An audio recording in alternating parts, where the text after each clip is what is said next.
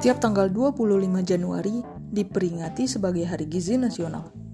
Tetapi faktanya, satu dari tiga balita Indonesia mengalami stunting. Wah, sudah dirayakan 61 tahun, kenapa masalah stunting belum kunjung selesai? Hmm, simak jawabannya hanya di channel YouTube MMC. Caranya, ketik pada kolom pencarian di YouTube, kekurangan gizi atau ketik 61 tahun hari gizi. Tiap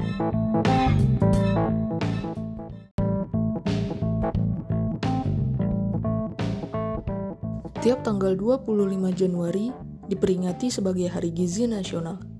Tetapi faktanya, satu dari tiga balita Indonesia mengalami stunting. Wah, sudah dirayakan 61 tahun.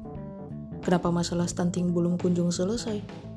Simak jawabannya hanya di channel YouTube MMC. Caranya, ketik pada kolom pencarian di YouTube kekurangan gizi atau ketik 61 tahun hari gizi.